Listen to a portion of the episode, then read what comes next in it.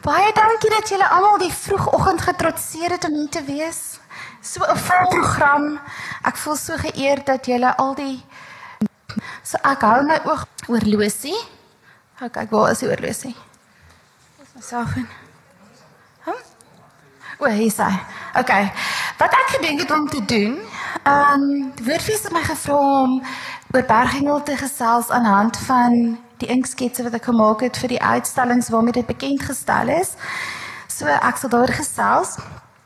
En dan ehm um, gee ons 'n lekker tydjie vir vrae na die tyd. So wat van as jy 'n vraag het, hou jy hom vas.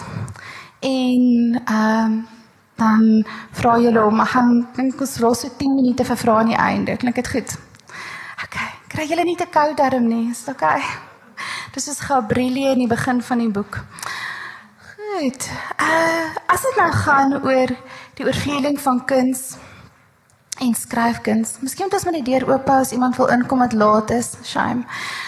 Um dan ek dink dit is goed om te gesels oor waar dit begin, waar die oorvleeling tussen kuns en skryfkuns begin. So ek het van kleins af het ek geweet dat ek my lewe aan albei gaan wy aan die kreatiewe skryfwerk en aan kuns het dit absoluut parallel ontwikkel. Ehm um, ek het van kleins af deelgedig aan albei gewerk en op 8 het ek my eerste gedig geskryf. En uh, dit was 'n um, um, dit was 'n dit was 'n bladsy vyf strofes, dit was 'n behoorlike gedig en ek het daarna ehm um, het ek begin om elke gedig wat ek skryf te illustreer vir dit wat ek nie kon in woorde uitdruk nie, het ek begin met 'n prentjies te doen. So dit het saam ontwikkel van die begin af. Toe ehm um, toe ek 11 jaar oud was, het ek vir myself 'n reël gemaak dat ek elke tweede Sondagmiddag 'n gedig moet skryf en ek het daai wet volgehou tot matriek. Ek dink as enigiemand anders vir my daai reël gemaak het, sou ek ehm um, geweier het, gerebelleer het. Ehm um, maar ek hou daarvan om myself te dryf, maar uh, glad nie om deur ander mense gedryf te word nie. Ehm um, so ja, ek het elke woord opgesoek wat ek nie ken nie en as net baie vroeg besef dit is wat ek wil doen, dit gaan moeilik wees, begin vroeg daaraan te werk. Ek het pottebakkers klasse gehad want in ons klein Bosval dorpie het mense nie uh kuns as 'n vak gehad nie. Maar ons het pottebakkers klasse gehad en aan die einde van elke kwartaal as jy jou potte sou kry, dan um, het ek 'n winkeltjie op die plaas gehou en dan het ek die prosesse vir die mense verduidelik en dan het hulle dit by my gekoop. My ma, my sussie, wie ook al by my gekoop. Hulle het my opdrag verse gegee as daar 'n geboorte, 'n dood, 'n bevordering kom sit gerus. Dis is die hemel, daar's plek altyd vir nog iemand. So Ehm um, wanneer daar ook 'n opdrag vers wel ek het nou opdrag verse daai tyd was dit skryf 'n gediggie en maak 'n kaartjie. Maar het my betaal daarvoor, hulle het by my gekoop. So van baie kleins af het is hierdie gedagte in my geïnstalleer sonder dat um, hulle dit regtig besef het, het my dierbare ouers my laat glo van kleins af dit wat jy doen is die moeite werd dat ons iets daarvoor gaan teruggee. En ek het nooit as gevolg daarvan nooit ooit ooit getwyfel dat ek my lewe daarin gaan wy en albei gaan wy nie. Ek het van kleins af gedink wel al was dan nie kunstenaars en skrywers in die familie nie.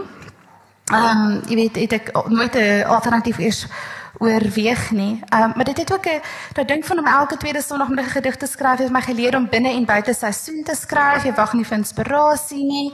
Jy doen dit want dit is wat jy gesê het jy gaan doen vir jouself want jy het 'n vaardigheid wat jy wil slyp, so jy wag net totdat jy voel dat dit goed of sleg genoeg met jou gaan nie totdat jy hartseer of gelukkig genoeg is en jy doen dit. Ehm um, so dis 'n ding wat ek baie kleins af begin oefen dit met kuns en met die skryf. En ek dink dit is hoekom ek dit vir 'n lewe kan aanhou doen. Ehm um, so daai idee om die jou talente vir jou te laat werk en hoe die kinders in die skryf saam ontwikkel het. Ek wou byvoorbeeld die ATKV skryfskool bygewoon het in Potchefstroom toe ek op skool was en ek het vir 'n jaar lank kaartjies gemaak uh in skilderye gemaak toe ek 14 was om genoeg geld te spaar om dit vir 'n jaar te kan bywoon. Ag om dit te kan bywoon, daar's 700 rand. Ehm um, wat ek wou dit so graag doen. En op die einde het ek dit 3 jaar bygewoon en dit was wonderlik. Het my vinnig uit daai tienerige poesie uitgeklap. Daai tranerige goed. En ehm um, ja, so die kinders in die skryf, die kinders het my het my daarby uitgekry en op die einde ehm um, ek het 'n verhaal daar geskryf by die by die ATKV skryfskool wat ehm um, voorgeskryf is vir skole en ek het geld gekry daarvoor. En daaruit het ek weer kunsmateriaal gekoop om my portefeulje te kon opbou, om by tikkies te gaan kunsvat en ehm um, toe ek by tikkies kunsvat het, het ek rommelraper gewees in die skrootwerwe van Silverton ingegaan en met hierdie grouwe oomies pelle gemaak en hulle moerenskroewe gekry en dit opgesmelt en beelde gemaak. Ehm um, daarmee Duitsland toe gereis, kort verhale geskryf daaroor, dis ook voorgeskryf vir skole, daardie geld gebruik vir vir kuns. So, dit is heeltyd is ek sou nie kon doen wat ek doen as dit nie was vir albei nie. Ek um, ek voel regtig ek het albei nodig. Ehm um, Ja, en ek het op die einde het ek in het ek my uh, my studie skuld gaan delg in uh Skotland en Cambridge in die Skotse Hoogland in Cambridge by afgetrede beeldhoudsentrum. En daarso is eintlik waar die vonk van Bergengel begin het. Die eerste dag toe ons die uh, Skotse Hoogland binne ry, het ek vir Gerrit gevra die kastel en ek het my skryfgoed uitgehaal in die middel van 'n verlate sneeulandskap en ek het bo ingeskryf die Bergengel. En hy het gesê, "Wat doen jy?" Dit was 2002. Januarie 2020. Maar sê, "Wat doen jy?" En ek het hom gesê, "Ek skryf die titel van die heel moeilikste ding wat ek in my lewe gaan doen." En hy sê vir my, "Hoe weet jy dit is moeilik?" Dis maar ek weet nie, maar dit gaan regtig regtig die lekkerste en die moeilikste ding wees wat ek ooit gaan doen. Dit was vir my twee digbundels, vir my meestersgraad vir kinders. Ehm um, en vir vir die ander roman En ek dink nog steeds dit is moeiliker as dit alles. Ehm um, maar uh, ek ek voel ook wat dit deels moeilik maak is dat ek nog net so getrou was aan my binnestem nie. Dis is soos ek myself uiteindelik toegelaat het om te klink. Hoe ek klink as ek myself praat. En dit voel vir my asof ek mense toelaat om my te sien waar ek soos 'n kind onder 'n struik sit en speel en asof die kamera nou maar kan inzoom en hulle kan sien wat in my privaat verbeeldingswêreld aangaan. En uh, dit is wat Bergengel en die hele trilogie vir my is. So dit is regtig 'n was my groot risiko om dit te doen want want dis is dit. Dis regtig nou wie ek is. sonder om enige literêre fundies te probeer tevrede stel, sonder om enigiemand te probeer plesier op enige manier. Um, is dit wie ek is. En dis natuurlik nie uniek dat mense kuns en skryf um, dit dit oorvleuel dat dit saamwerk nie. Ehm um, daar is Victor Hugo wat hierdie dramatiese skildery gemaak het, romanties, dramaties en dit eg ook in sy boeke. Sheila Cousins wat die etser is. Ehm um, en sy skryf ook baie visueel uh mense dink aan natuurlik Breitenberg. Uh hy herinner ons dat in Chinese word ehm um, in Chinese word dit stil poesie genoem. Is poesie uh, word stil ag kuns, skilderkuns word stil poesie in Chinese genoem. Ehm um, dan is daar is E. Cummings sy tipografie in sy gedigte pas ook in by sy skryfwerk. Natuurlik ons Ingrid Winterbach wat ek so geëerd is met hier in die, in die gehoor. Ehm um, wat ook natuurlik 'n skilder is en kuns gedoseer het en 'n baie bekroonde skrywer. Ehm um, ja, so dit is 'n uh, dit is 'n ou ding dat dit oorvleuel tussen die dat die twee ehm um, kunsvorme oorvleuel tussen tussen skryf en skilder. Ek skilder wel nie, ek teken. Een van die groot vrae is, ek het my honeursgraad in beeldhou gedoen. Hoekom? Mense vra vir my hoekom doen ek nie beelde nie? Hoekom ehm um, hoekom teken ek nou? En dit is baie eenvoudige antwoord eintlik. Dit is maklik en prakties met kinders. Uh, ek kan teken, dit vinnig klaarmaak en vir 'n kind gee 'n afvalpapiertjie gee om te doen. Dit pas konseptueel baie goed aan by skryfwerk want dit is ink op papier. Ehm um, en dit is vloei, dis die vrye vloei van ink. Dit is een van die goed wat ek die meeste waardeer. Ek gaan hierdie meeste waardeer van ink is die vrye vloei. Ehm um, ek het verlede jare in 'n in Stellenbosch gesê dat my dosent vir my meestersgraad was Joanne Hambidge en sy het vir my gesê altyd Karina, jy weet hoe om jou waansin te bestuur. Dit is 'n groot kompliment kom binne van haar. nou ink, ink is vir my 'n manier om my waansin te bestuur want ink luister vir jou tot op 'n punt. Maar jy kan hom nie net dood verf nie. Dis nie 'n beeld wat jy net kan afgraai en oordoen nie. So byvoorbeeld hierdie een Die titels elke titel is 'n ehm um, is 'n aanhaling uit die boek. Sy het ook in 'n taal gepraat wat niemand geken het nie, verstaan dit nie eers haarself nie. Ek het haar hare, het ek net 'n blop ink gegooi, 'n strooitjie gevat en geblaas. Jy het geen beheer nie. En dit is die wonderlike ding van kuns en skryf vir my om beheer te hê, want ek hou baie van beheer, maar dan dan op 'n stadium net oor te gee um, aan die amper of die noodlot. Jy kan oor ams dis my die haken, my die hakens gaan dit oor omstuur. Jy die nagmaal? ja. Ehm um,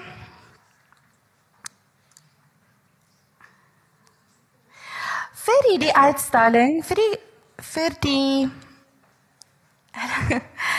vir die ag kom gerus in. Nee, geen probleem. Geen probleem. Ehm um, dit was my meer belangrik om die atmosfeer in die boek visueel weer te gee deur die kuns as wat dit vir my was om spesifiek 'n spesifieke visueel making van die uh kun van die karakters in die boek is nie vir my so belangrik as wat dit was om die atmosfeer van die boek weer te gee nie. Ehm um, soos byvoorbeeld hierdie karakter. Ehm um, die titel daarvan is Woorde soos water. Dit is die karakter is Talia en ehm um, dit is hoe sy vir my lyk like, soms. Uh, nie eens aldag nie, maar maar dit is meer die atmosfeer van wat Talia ehm um, verteenwoordig as wat dit nou probeer om ek probeer nou my boek te illustreer nie as jy verstaan wat ek bedoel, dit gaan oor die atmosfeer van die boek. Ehm um, en oor die atmosfeer van die oomblik. As jy dit wil omstuur.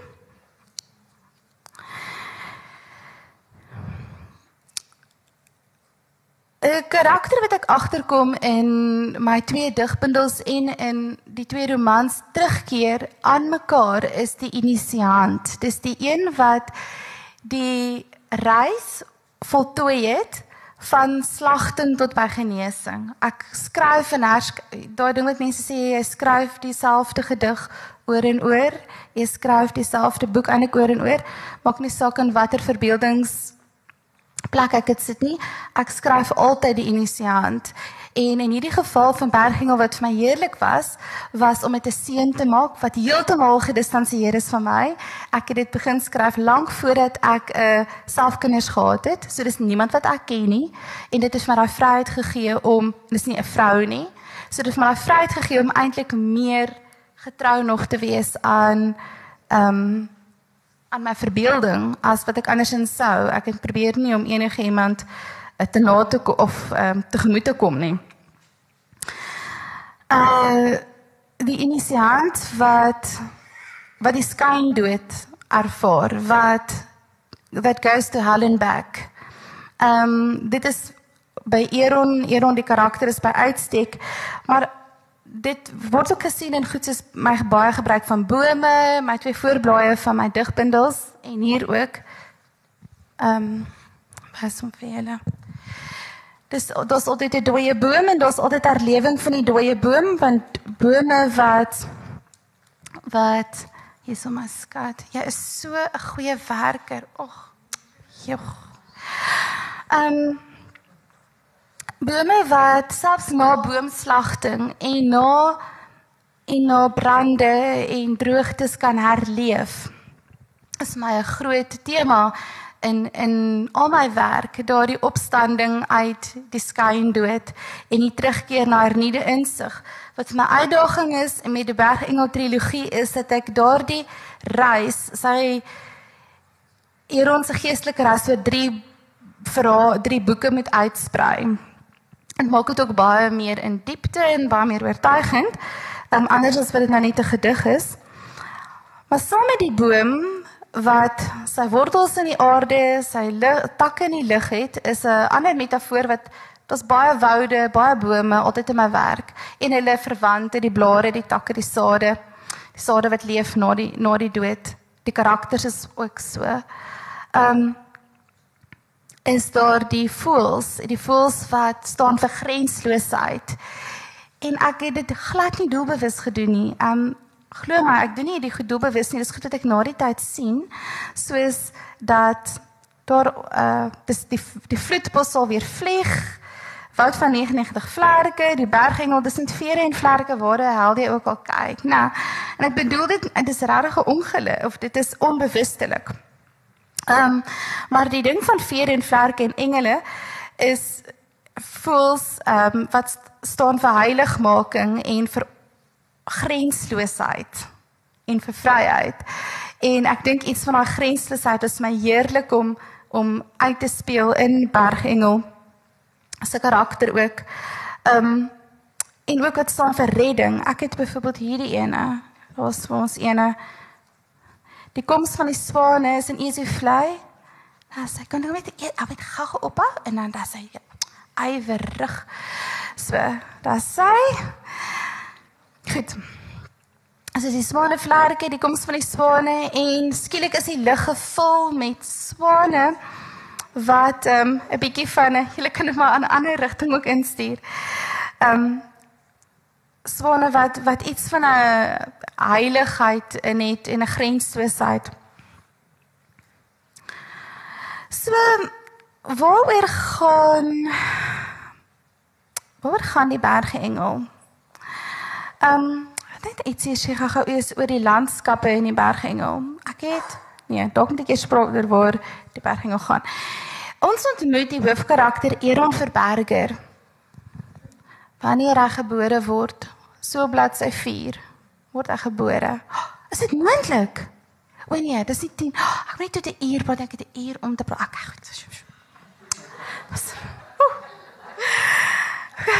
Wat sou ek al hierdie goed nog wil sê? Goed. So hierdie is ehm um, Eron Verberger. Ons ontmoet hom met sy geboorte.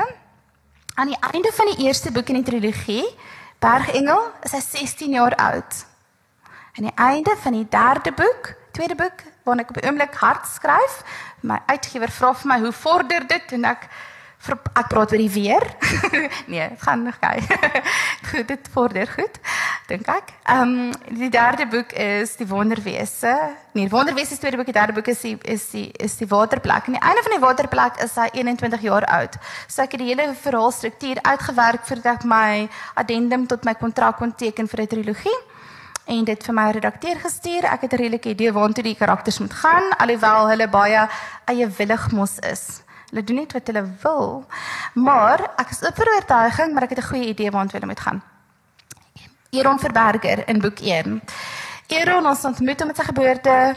Hy ehm um, reis met sy klokgieterpa reis hy deur Gabrielie en hy het 'n lewensveranderende reis. Um hy maak kennis met geweldige skoonheid, met geweldige wreedheid en um die belangrikste ding eintlik is dat eer ons sy eie sienkrag ontdek, sy eie sy eie binnekrag ontdek. En um dis 'n soort coming of age verhaal. Ook daarin kan jy sien ek het nou regtig nie probeer om hom te illustreer nie. Dit is 'n silhouet wat maklik as dit eenmal in selfdring dan kon sit. Ehm um, is 'n soort coming of age verhaal, maar dit is nie 'n jeugboek nie. Dit is nie 'n jeugboek soos in dieselfde sin as wat Koning van Katoren nie regtig net 'n jeugboek is nie of Die Klein Prinsie is nie regtig 'n jeugboek nie. Ehm um, of alkemist wat ook 'n jong seun het wat op 'n reis gaan en so. Maar dit is ehm um, dit is 'n baie toevallige hoofkarakter wat hy wat ehm um, is jong seun is. En ja, daar sê in die tonnel, in die tonnel van herinnering, die titel van daardie ene is en hy het stil aangestap deur die tonnel van herinneringe. So mense vra vir my uh wat 'n genre dit is. Dit is een van die groot. Wie het dit al gelees? Oeg. Kyk. preek ek hier vir die bekeerdes. En ek probeer so hard dat julle my boek koop en julle almal het dit. En weet julle het maar vir Christus koop. nee, goed. Julle is almal baie bekeerd. Ehm Goed so, maar jammer dis nou ou nuus is vir almal wat dit al klaar lees, gelees ken ken. Maar ehm um, een van die groot vrae is wat is dit? Ehm um, dit ehm um, staan byvoorbeeld die agterop wat iemand anders geskryf het, dis nie wat ek self gesê het nie, hoor. Ehm um, dit is 'n pragroman fabelagtig mooi en volwasse met ware diepte en insig enigmaties maar ook toereikend. So dis nie heeltemal 'n ontoereikende ehm um, 'n ontoereikende ehm um, baie swaar ehm um, akademiese boek nie. Ek wou graag iets verteerbaar geskryf het, maar ek dink nie jou standaard tiener gaan noodwendig. Daar's daar's wel kinders wat daarvan hou, maar en dan sal jy 'n mystieke reisverhaal, 'n poëtiese en gewyde kunswerk in 'n literêre gedaante wat nog nooit in Afrikaans teëgekom is nie. Nou dit is die ding. Goed, so mense sê daar's nog nie iets spesifiek soos dit in Afrikaans nie, net nou sê die wonderlike uh Johannes sê so vir my ook ek ken nie Sweeds en Afrikaans nie. Hoe het jy die uitgewer oortuig om dit uit te gee? So uh, dit is dis ek is so dankbaar. Ek het 'n ek het 'n baie goeie keerverslag gekry van 'n uh, redakteur wat van die begin af presies verstaan het wat ek wat ek probeer regkry. Dit was net vir my wonderlik. Dit iemand wat my nie ken nie, wat in Amerika sit aan die ander kant van die wêreld, so presies verstaan wat ek probeer vermag. Ehm um, maar ek dink is omdat sy ook deel is meer van die uh, maar belangstelling is die wêreldletterkunde. So dit is nie heeltemal 'n Suid-Afrikaanse boksie nie. Ehm um, Goed. So in die een resensie is dit spekulatiewe fiksie genoem wat die waarheid is en 'n ander een is dit fairy genoem wat seker ook die waarheid is. Dan is dit fantasie genoem. Ek kan daarmee ook saamleef alhoewel die tradisionele fantasie het 'n trol, ehm um, 'n reus en 'n Yoda. Ons het nie 'n Yoda trol of 'n reus nie. Ehm um, ek het niks teen trolle nie. Maar ehm um, wat ons wat ons wel het is intrent alles in die boek is fisies verantwoordbaar. Ehm um, so wat is dit dan as ek 'n definisie mag gee vir vir die boek? Ek het self vir lank daaroor gedink. Dan sou ek sê dis magiese realisme.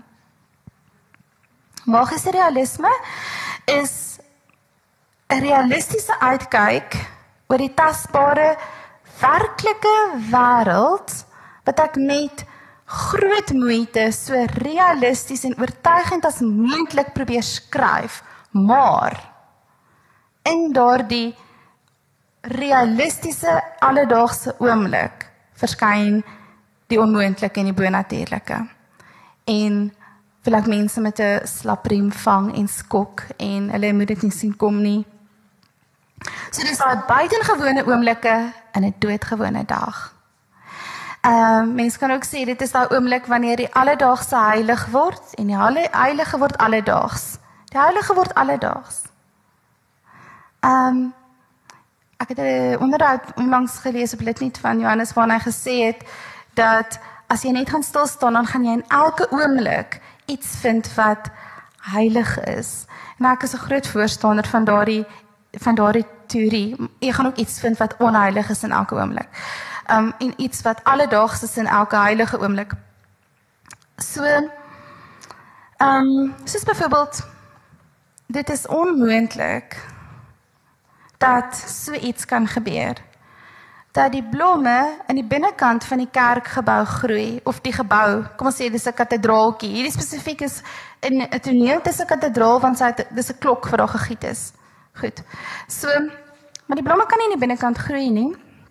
Tog gebeur dit. Dit is die reine.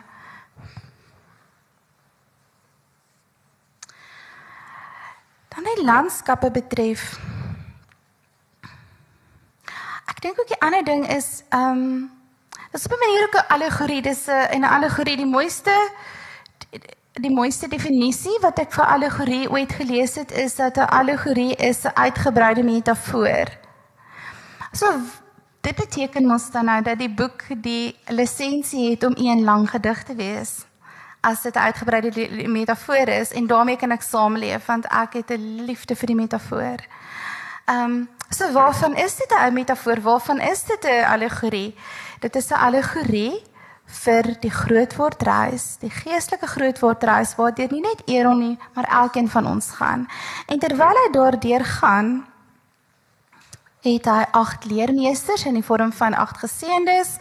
Hy leer onwaarskynlike onwaarskynlike mense ongelooflike goed, soos die krag om te treur.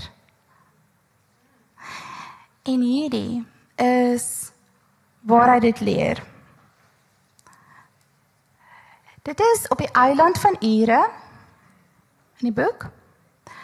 Ag ja, in die eiland van Ure, ja.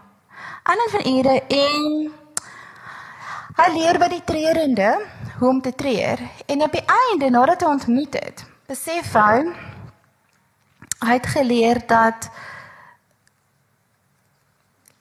liefde wat gebore is, trane wat gebore is uit liefde, het kan 'n gebed wees met die krag om 'n oseaan oor sy walle te stoot. Nou, dit is 'n stuk wysheid wat 'n bietjie gebore is uit 'n wond. Ehm um, jy kan dit aan die ander kant ook omstoot en dan ja, se baie dankie.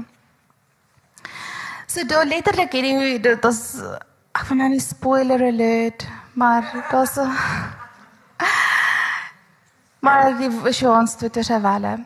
En hy het geleer dat ehm um, dat dit dat die trane is wat dit geaktiveer het. Ehm um, Alhoewel hierdie boek glad nie autobiografies is nie. Ek ken niemand soos enigiemand van hierdie karakters nie. Wat heeltemal anders is as wildvreemd. Wildvreemd is al baie mense in die dorp waar groot geword het wat ek ontrent net so kan. Dit is baie so. Ehm um, in uit die aard van poesie, poesie is eintlik maar selfportrette. Maak nie saak of jy skryf oor of jy skryf oor jy weet ehm um, Antarktika nie as dit is die die ekse belewenis van van van van van die objek. Ehm um, ek wil wegbreek daarvan. Ek wil nie so akkerig wees nie. En en ek en ek dink ook net poesie het nie genoeg woorde gehad vir alles wat ek wil sê nie en laat my een boeke toe ook nie genoeg woorde vir alles wat ek wil sê nie. Dis ook met 3 geword het. Maar ehm um, ja, om die liriese stembuiging te behou, maar nog steeds 'n uh, verhaal te kan vertel wat 'n bietjie persoonlike indruk het. Wat hy al is dit nie autobiografies nie, is daar baie baie persoonlike reisindrukke in die, in die boek. Ehm um, ek het in die verloop van die trilogie is daar 24 bergreekse of 24 lande se bergreekse wat hulle verskyning maak in in die storie. En ek het dit getransponeer na my verbeeldingsland Gabrielie wat 'n baie groot land is, een soos 'n vaste land soos Amerika met sy eie ekologiese stelsels en boustyle en dialekte ook van mense wat verskil. Ehm um, dit is Ehm um, maar dit is nog steeds ek dit is nog steeds geografies verantwoordbaar in die sin dat daar 'n warmer syde is, 'n suidooste is, 'n kouer noordooste. Ehm um, so dit is ek nog steeds gesorg dat die die tipe vis wat hulle vang moontlik is in die koue see, dat die klere wat hulle aantrek Jy weet dit dit is dit is geografies verantwoordbaar. Die die roetes wat die voëls migreer is soos wat voel saam migreer alles in 'n verbeeldingsland alhoewel ek ehm um, ek het byvoorbeeld vir Belar die die suidelike ehm um, regio wat nou in die tweede boek is het ek baie van my ervarings in die Amazone gebruik ek ons was ruk in die Amazone ehm um, ek het die eiland van Ure ons het vir 2 maande in Hawaii gebly en ehm um, daar baie daarvan van my indrukke wat ek het, kom van daar af. Ehm um, ja, dan die dan Suid-Afrikaanse landskappe wat ook betrek is, maar die dis heerlik, dit is so 'n groot land as ek kan daarmee speel. So die hele Gabriele is eintlik 'n verbeelde vasteland, maar Afrika is die enigste verbeeldingsland in Gabriele. En hier iewers in die boek, dan kom hulle agter en hulle dink hulle besef Afrika bestaan eintlik en Afrika is die belangrikste plek in die derde boek. Um dit is die plek van redding. So Afrika is basies die die waterplek speel byna volkome daarin af.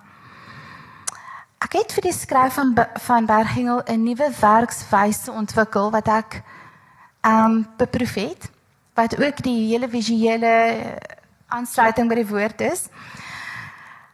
Nadat ek regtig waar vrek baie ehm um, akademiese en vakkundige boeke gelees het oor alles van klokgietery tot tot ehm um, wolfshandel en uh gevegkuns het ek in plantkunde en weer patrone ek het ek het regtig baie oor navigasie en al die goed gelees.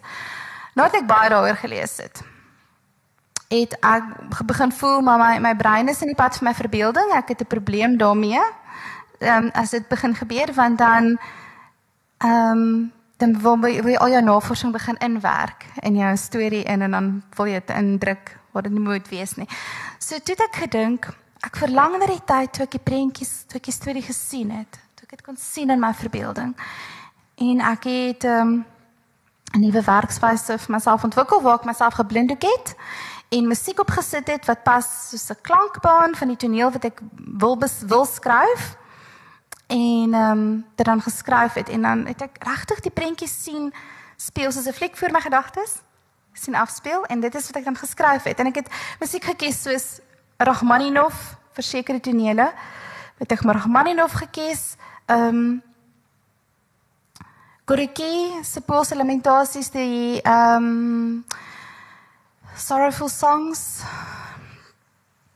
Het ek vir tonele in Waknia wat baie tragies is, hierdie ehm um, Pan's Labyrinth daai daai onheilspellende wiegelietjie het ek vir 'n vir 'n baie onheilspellende toneel in Ballar ges gekies nagtonele waar hulle op die water uitgaan en ek maandag sonate van Beethoven geluister. Ek het Amelie geluister vir feestelike stadstonele. Baie musiek. En ehm um, Gilisa Garas so tussenin Ayub Gaba van Nigerië se ook op die water uitgaan. Die Constant Gardner ehm um, hy het die Constant Gardner se musiek gedoen. So daardie musiek het my ehm um, het my prentjies helderder gemaak. Ek kon dit sien en dit was soos 'n spiraal wat voltooi is. Want eers het ek gereis, ek het my indrukke versamel met my oë. Ek het gaan sit en ek het dit op papier gesit in woorde.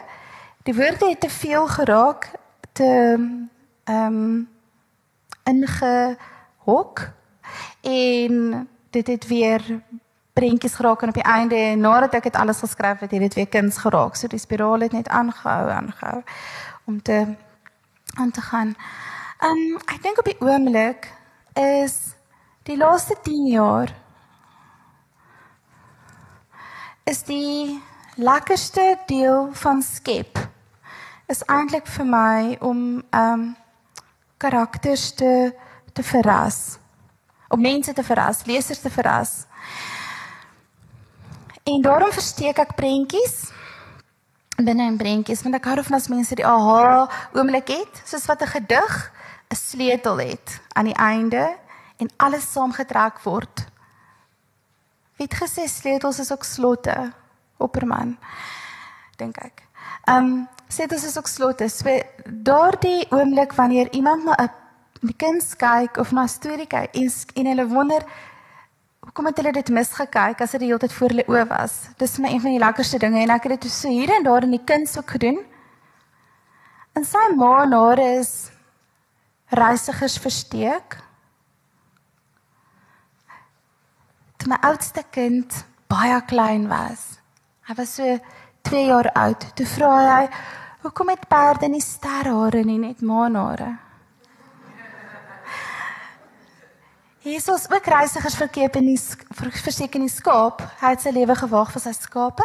Jy kan sommer so in die ander rye ook aansteek. Dankie en dankie.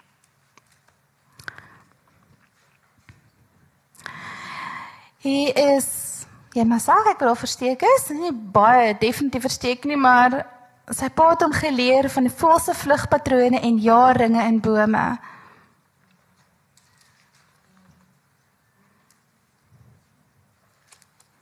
En dit is redelik duidelik. Dis die eerste keer wat hy so alleen op so 'n manier saam met 'n meisie was. Ek gaan bietjie op daai tema uitbrei die tweede boek. Hy's nou 17. ek het 'n uh, ehm um, ek gaan my voorblad weer kry. Ek wil vir julle van die voorblad ook sig versteekte prentjies wys.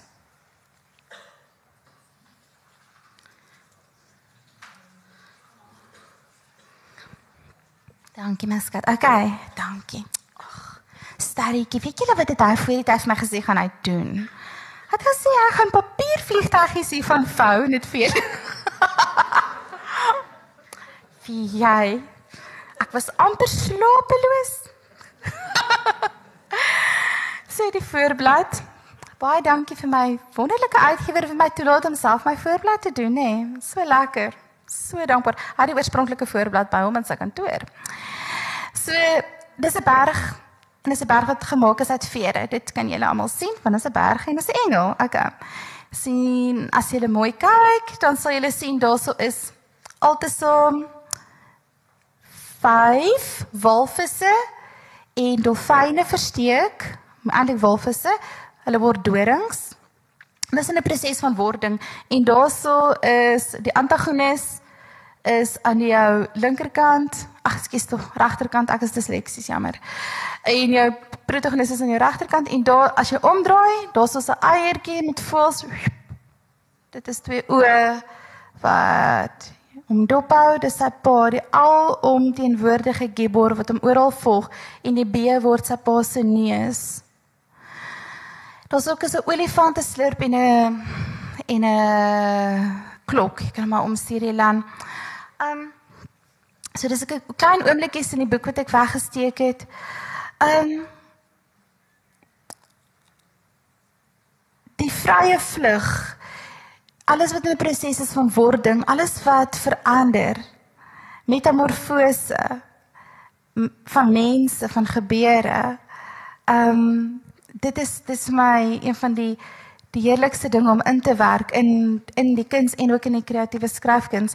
Hierso het ons my antagonis. Val val Azazel, die verbluffende bluffer. Nou julle, ek het 'n vriend. Hy is bepaald nie 'n pansy nie. Um maar hy is so bang vir hierdie karakter. Hy sê hy die ligte afgesit, aangesit nadat hy gelees het. Al die pad tot by sy bed en sy vrou gevra om die kamerlig af te sit. So ek is baie baie dis my die grootste kompliment dat hy so dat ek hom so bank kon skryf. So anyway. Want hy's regtig Hy is totaal boos nie. Hy het veel om te bewonder. Ek het nogal ek het nogal tyd vir my vir my antagonis. Ehm um, is nog een van hom. Fafel die stelstapper die oorblinder. Mense tot op 'n sekere punt het mense self simpatie met hom want jy dink niemand word boos gebore nie, word hulle. So, ehm um, ja. Ek het nie vir die skryf van die boek het ek ehm um, interteks wat ek ingewerk het. Ek het Dante se Heilige Komedie gelees en elke een van ehm um, van die boeke ehm um, is op 'n sekere deel gebaseer. Ehm um, Hel is is uh op Bergengel, daar's groot dele van Dante wat ek of nie groot dele maar sekere dele en frases uit Dante wat ek getransponeer het in sekere hellish dele van van Bergengel. En dan ehm um, en dan wel paradiso is in die in die berg is in die waterplek die laaste boek. So dis my lekker om dit ook deur te trek. Ehm um, ek het gelees oor die woestynvaders. Navorsing mense daar navorsing gedoen het, gelees oor die woestynvaders, die die groot mistisie. Ehm um, van die 12de, hulle is die 7de generasie, ag, um, ekskuus, nog die 3de, 4de eeu het hulle in Arabië en Persië gewoon en hulle het wonderlike mistiese ervarings gehad. Ehm um, iemand soos Sint Francis van Assisi, 'n natuurmystisie.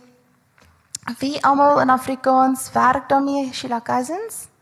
Sheila Cousins was baie lief vir die mistisisme. Ehm um, en dan 'n wonderlike boek wat my wat veral in die volgende boek 'n baie baie groot invloed op my het is ehm um, Tolstoy se The Kingdom of God is within you. Nou, dit is 'n dis 'n verhandeling wat hy geskryf het oor nie gewelddadige weerstand en ek het baie lank gewonder. Dis ook ek maak so lank gevat om my boek te skryf. Ek In teenstelling met baie fantasieboeke, ek is nie lus vir 'n as oorlog as 'n vir 'n flippin um oplossing nie. Ek bedoel, ek glo nie eens in lyfstraf nie. Hoekom gaan ek oorlog doen? So um ek het lank gedink aan 'n alternatief en toe kom ek daarop af. Nou The King of God is of Inu Tolstoy het geskryf na Anna Karenina na na War and Peace het hy begin dink oor oorlog. En nadat hy self so betrokke was daarbey en hy het um, dit in 1893 geskryf.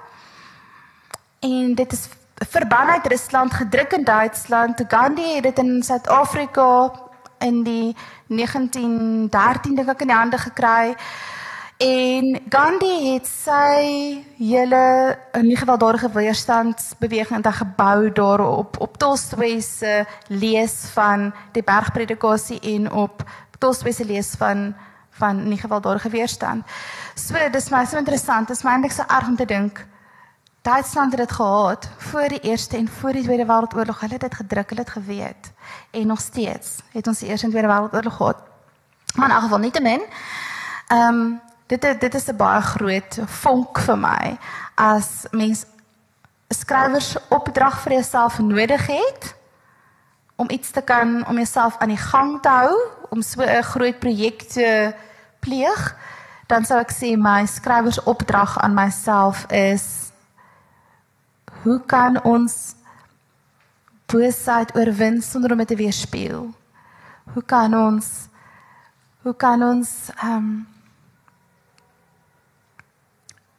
ja, hoe kan ons boosheid weerstaan sonder om dit te word? Sonder om self word en en dit is ek het nie die antwoorde nog nie, maar in die loop van die drie boeke is ek besig om dit te kry en dit dink aan alternatiewe maniere en ook regtig te verstaan waarom sal mens na geweld gryp? Ek begin ook regtig te verstaan ehm um, waarom mense dit wel doen. Okay, dan het ek ehm um, Ja, ek het ook na ehm um, soos Kyle Gibran se The Prophet, ek het stukkies dialoogstruktuur verwag, my gunsteling karakter in die boek is Ruach. Het ek net so gebruik, baie doelbewus. daarmee sê ek natuurlik vir enigiemand wat die interteks ken, um, take note, Ruach is 'n profeet. Um, so dis ek Kyle Gibran in die bergpredikas. Okay. Mas dink wat is daar nog wat ek vir ek weet nie of daar nog iets is wat ek vir julle wil sê nie. Ek dink ek moet nou vir julle vra of julle ietsie vir my wil vra. 'n Berghengel kan se werk is om vuurstorm se te keer. Hulle is manlik of vroulik. Hulle is een keer in 20 jaar daar. En um, ja, hulle ehm um, hulle is anoniem. Want hulle dit bes die anonimiteit beskerm hulle teen hulle self. Ehm um, dit beskerm hulle ook teen mense wat hulle weerstaan, maar dit beskerm hulle ook dat hulle nie verafgod word nie. Dat hulle nie te veel aandag kry en hulle fokus verloor nie. So, laat ons gou kyk hoe laat dit is, dan kan julle vir my vra vra. Ooh, ja, lekker 13 minute vir vra. Goed. Moet ek julle ietsie lees? Kan ek net sê, weet jy, wie van julle luister na die aandvoorlesings? Oh.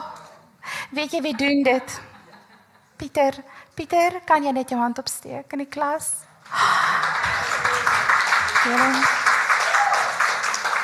Dit is amazing. Dit Ek het nou so Pieter ontmoet. Ek sê Pieter, hoe weet jy? Dit is hoe die karakters in my kop klink. Dit is ongelooflik. Hy doen so 'n wonderlike werk. Ronel langs hom sy is in die regie stoel. So ja. Ehm um, ek ehm um, ek is net baie dankbaar dat ek nie ehm um, ouers gehad het wat my kreatiwiteit probeer onderdruk nie want ek dink ek sou definitief sê ek sou definitief totaal en al uitgerafel het as dit as dit die geval was. So baie dankie Mompa dat jy my uh span gemoedig het om my ding te doen. Hulle het nie gevra.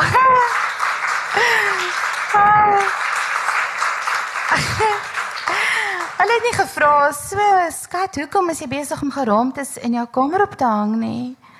Hulle het dit vir my aangedra. En my help met op te hang. So skat, al die kaal prentjies wat jy teken, al het my spykers in die mure gemaak om help met op te hang. Hulle het nie verstaan, dit is net wonderlik, wonderlik, wonderlik. Toe ek begin lees, het my ma net my boeke sy 40 jaar Afrikaans en Duits gegee. Sy het vir my behoorlike boeke. Sy het kan brokend vir my aangedra toe ek 10 jaar oud was. Ek is nou nog nie mal oor die Karoo nie. Al die jare. Is ek nog nie, ek is nog nie genees nie. maar ehm um, tjoe, ja, okay, Eva Venter. Goed. So, nee. Ehm um, goed, is daar enige vrae? Asseblief.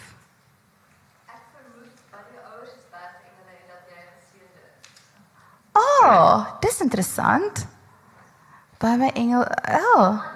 Ja, dit is dit is nog 'n manier om dit te kyk. Ja. en watter geseënde sal ek wees?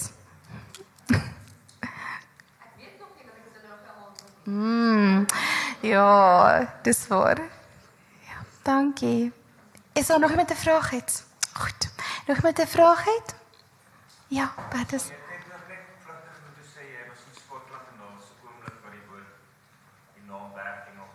Ja. Wat was daai oomblik wat wat het gebeur? Dis 'n baie vraag. Dit is ek het regtig net as reg. Ek het regtig net gekyk oor die oor die landskap en ek dink ek dit het vanuit die nuut uit my op gevlieg. Weet jy, dit is dat ons het net in die kar gery en dis my eerste keer dat ek Hooglande ingery het en ehm um, toe ek net begin beg and borrow uit werklike lewe ervarings maar daai eerste oomblik dit was 'n woord wat vir my gegee is. Ek weet nie, maar dit het begin by een woord. Dit weet ek. Ehm um, ja. Kan ek vir julle 'n stukkie lees of het nog iemand 'n vraag? Okay, ek wil 'n stukkie lees. Julle kan nog vra vra. Iemand het my gevra oor die drie vrae in die boek los by Wellington. So wil jy weet julle waar gaan die drie vrae? Die drie vrae in die boek wat Aaron vra en hou aan om te vra. Hy leer dit by Anaf Elanof, die digter van Nisi van um, Naba. En um, Die eerste vraag is wat is jou gunsteling kleur? Wie gunsteling dier? Jou gunsteling dier, jy gaan ekskuus tog, eers jou gunsteling kleur en dit is wie jy self sien. Gunsteling dier is jou gunsteling lewensmaat sien en wat jy water sien as jy is die oorvleding van die twee hoe jy self saam met jou gunsteling lewensmaat sien. Dit is 'n reeksie vrae wat ek ontwikkel het toe ek 'n um, 'n kind was van 18 wat die wilde woeste stad aangedurf het. En as ek nuwe mense ontmoet het, het ek vir al al die drie drie vrae gevra. Ehm um, net om hulle te probeer uitblaas. En dit het vir my ek was so verstom oor hoe akkuraat dit is dat ek in my boek ingewerk het.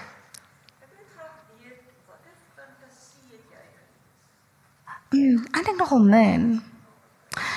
Ek het fantasie, het ek Tolkien, Narnia, ehm um, ek het saam met my kinders begin om die hele ek is nou 'n groot fan van Star Wars, wat ek nooit was nie. Maar want daar's nie bome en genoeg nie, maar nou hou ek daarvan. so ehm um, eintlik nogal min, weet jy? Ja, Tolkien het ek gesien, Tolkien in ehm um, in en die Narnia reeks, maar eintlik fantasie is nie 'n groot ding wat ek lees nie. So dis maar so van vreemd dit is net een fantasie karakter in die boek. Um mitologiese karakter heeltemal en dit is die wat nie kan bestaan nie en dit is die wonderwese. So ja. Maar ek kan verstaan mense um voel dit is fantasie want dit, dit is definitief fabelagtig en is definitief 'n sprokies elemente en wat ek baie doelbewus so ingeskryf het. Kom ek lees vir 'n stukkie. En dit is 'n stuk van Ruach Verberger en hy is my gunsteling karakter. Ek hou verskriklik baie van hom. Goed. So as julle wou volg, as julle wou boeke vat, is op bladsy 152.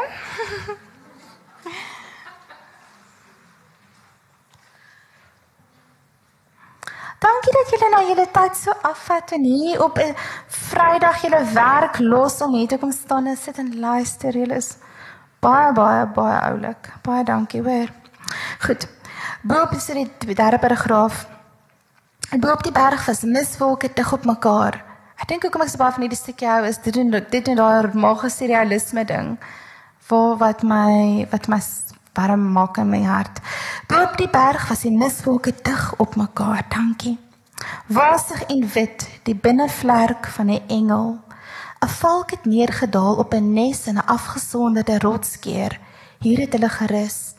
Aaron het 'n heuningkoekie uit die blik geskit, dit in melk gedoop en gevra: "Vertel my alles wat ek moet weet om die waterplek te vind."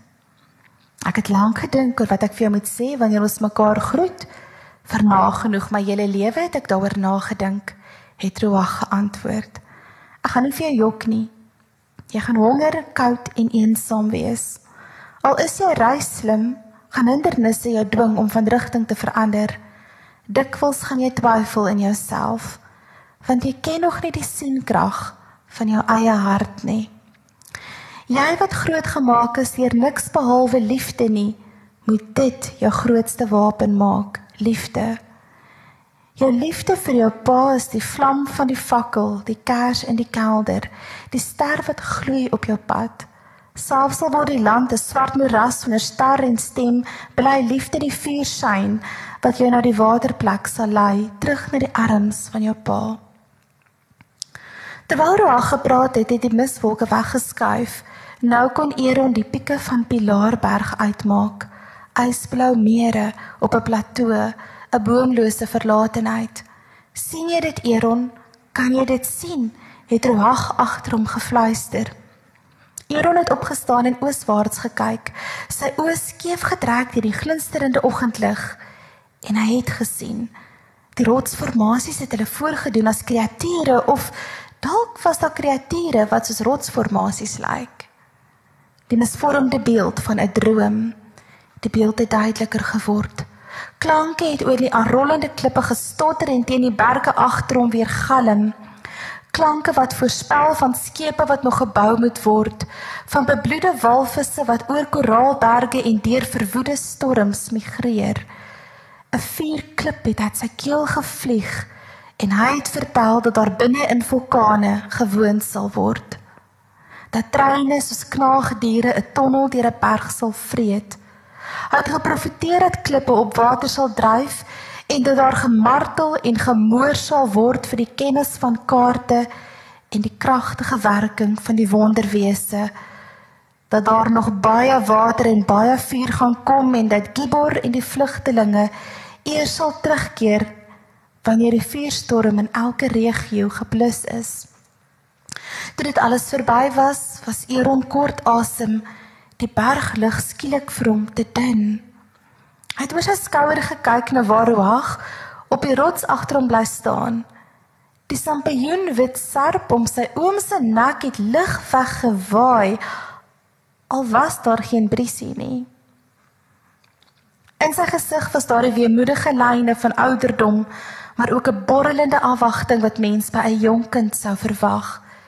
Eron het die ongemaklike gevoel gevoel gekry dat hy sy oom na 2 dae en 'n nag van gesprek glad nie ken nie. Onthou my, het Roag met laggerige oë gesê. Onthou verwindling. Roag het oor die afgrond getree. Skielik was dit asof die berg hom ingesluk het. Miskien is ek oorweeg nou net iets en dit is dalk dink ek nie so baie hier aan fantasie nie omdat my werklikheidsbelewenis miskien um nie so werklik is nie. ek het nie eintlik ek het nie die woord fantasie is oorweeg voordat mense dit begin gebruik het nie, man, met dalk is dit net ek wat snaaks kyk na alles, nê. Nee. Ja, sien. Is dit tyd?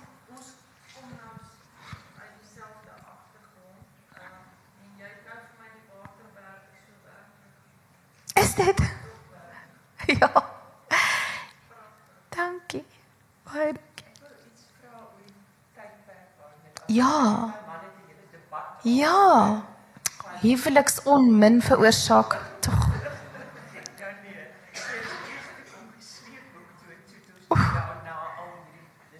Ja. Mm.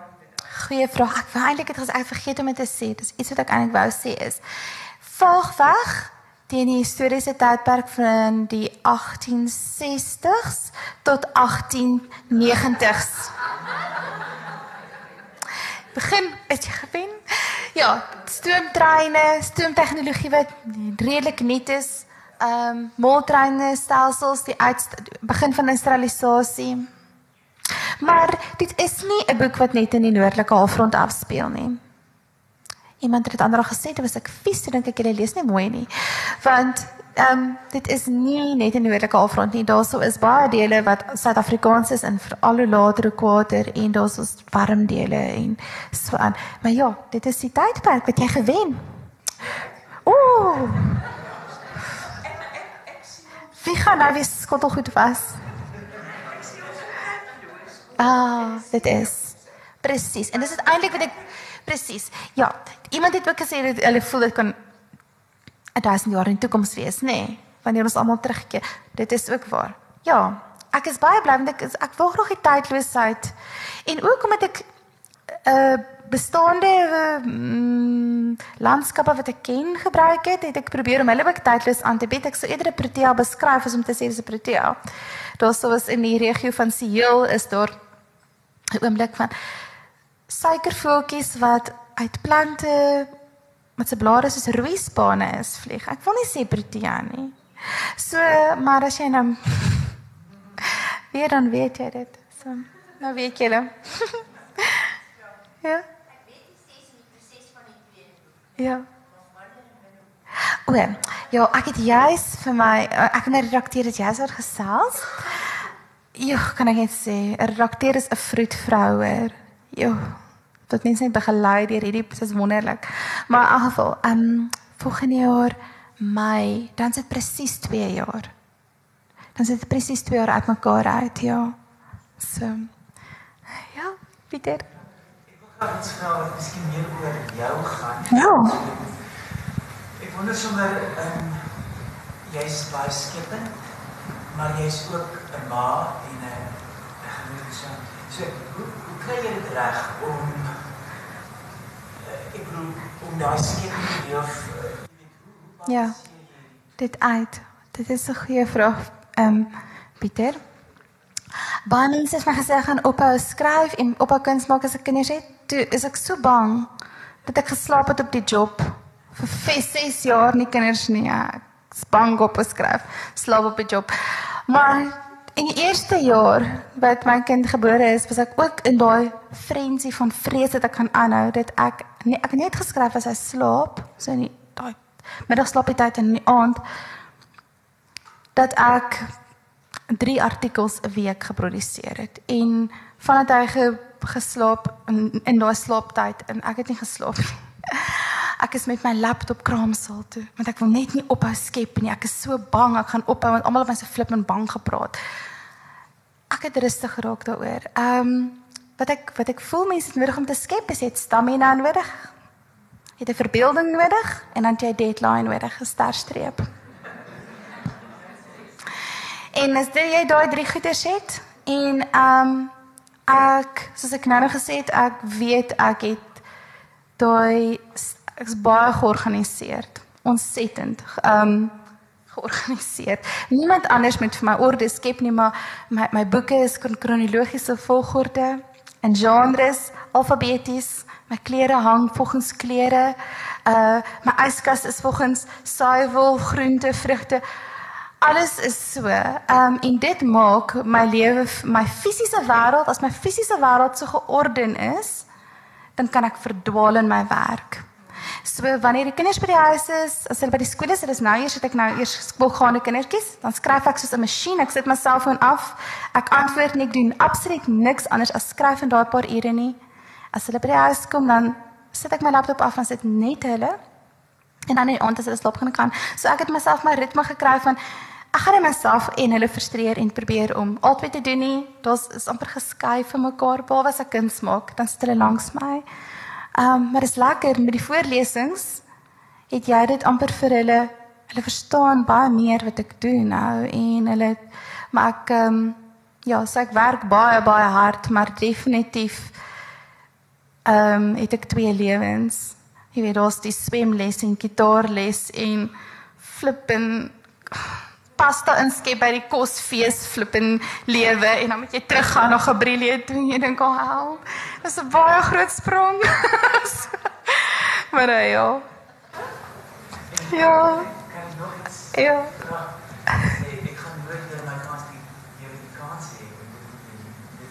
Magical oomblik vir my om dit kan express. Ehm um, as mens na jouself luister en dit dit genels saam met myself sê maar dis maar steeds net so vir al die. Ja.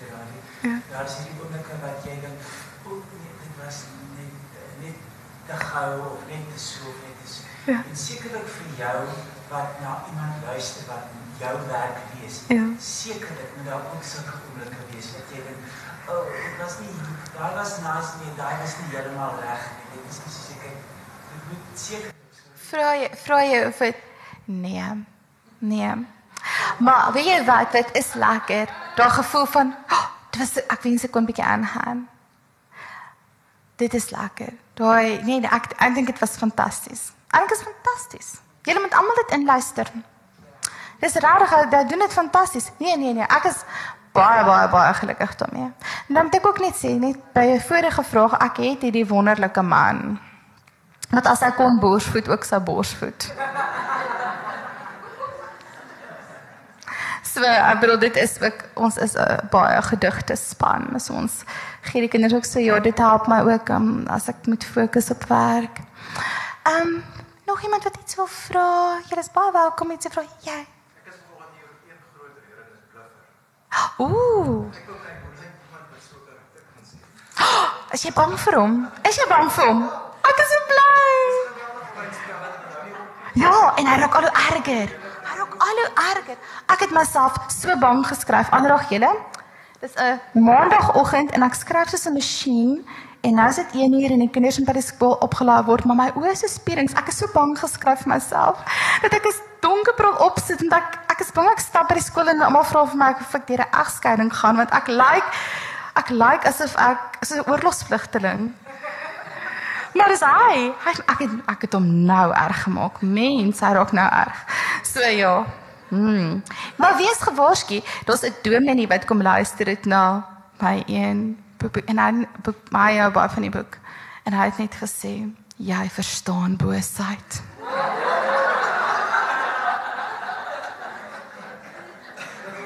Met baie bewondering in sy stem. Verstaan boosheid. Maar ja. Sê, ehm ja, nog iemand iets sê? Jy is baie welkom nog eens 'n vraag. Yes. Jo, jo, jo, jo. Ek kan dit sê.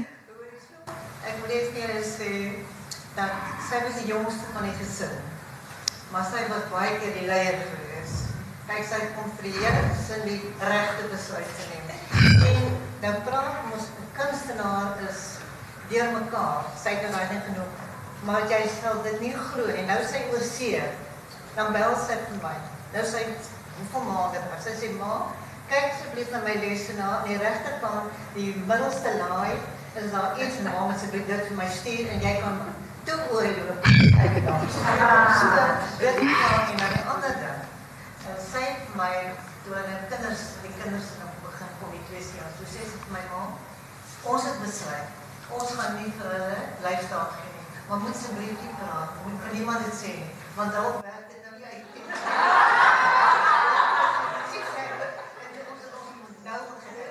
Het nou maar lyfstaat. ja. Ja, opis. Ons is. Dankie. Het. Sy het vir Here lief, sy is vir ouers baie lief, sy is vir kinders lief. So wat moet mens meer hê? Dankie. Ag, dankie julle. Dit voel soos my begrafnis. Almal is so mooi met my. Baie dankie dat julle so gesit en luister het en geniet die res van die woordfees en ek moet daar sit en almal van julle wat nou klaar boeke gekoop het. Julle weet daar's mense wat nog nie het nie in julle vriendekringe.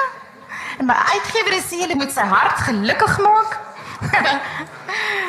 baie dankie.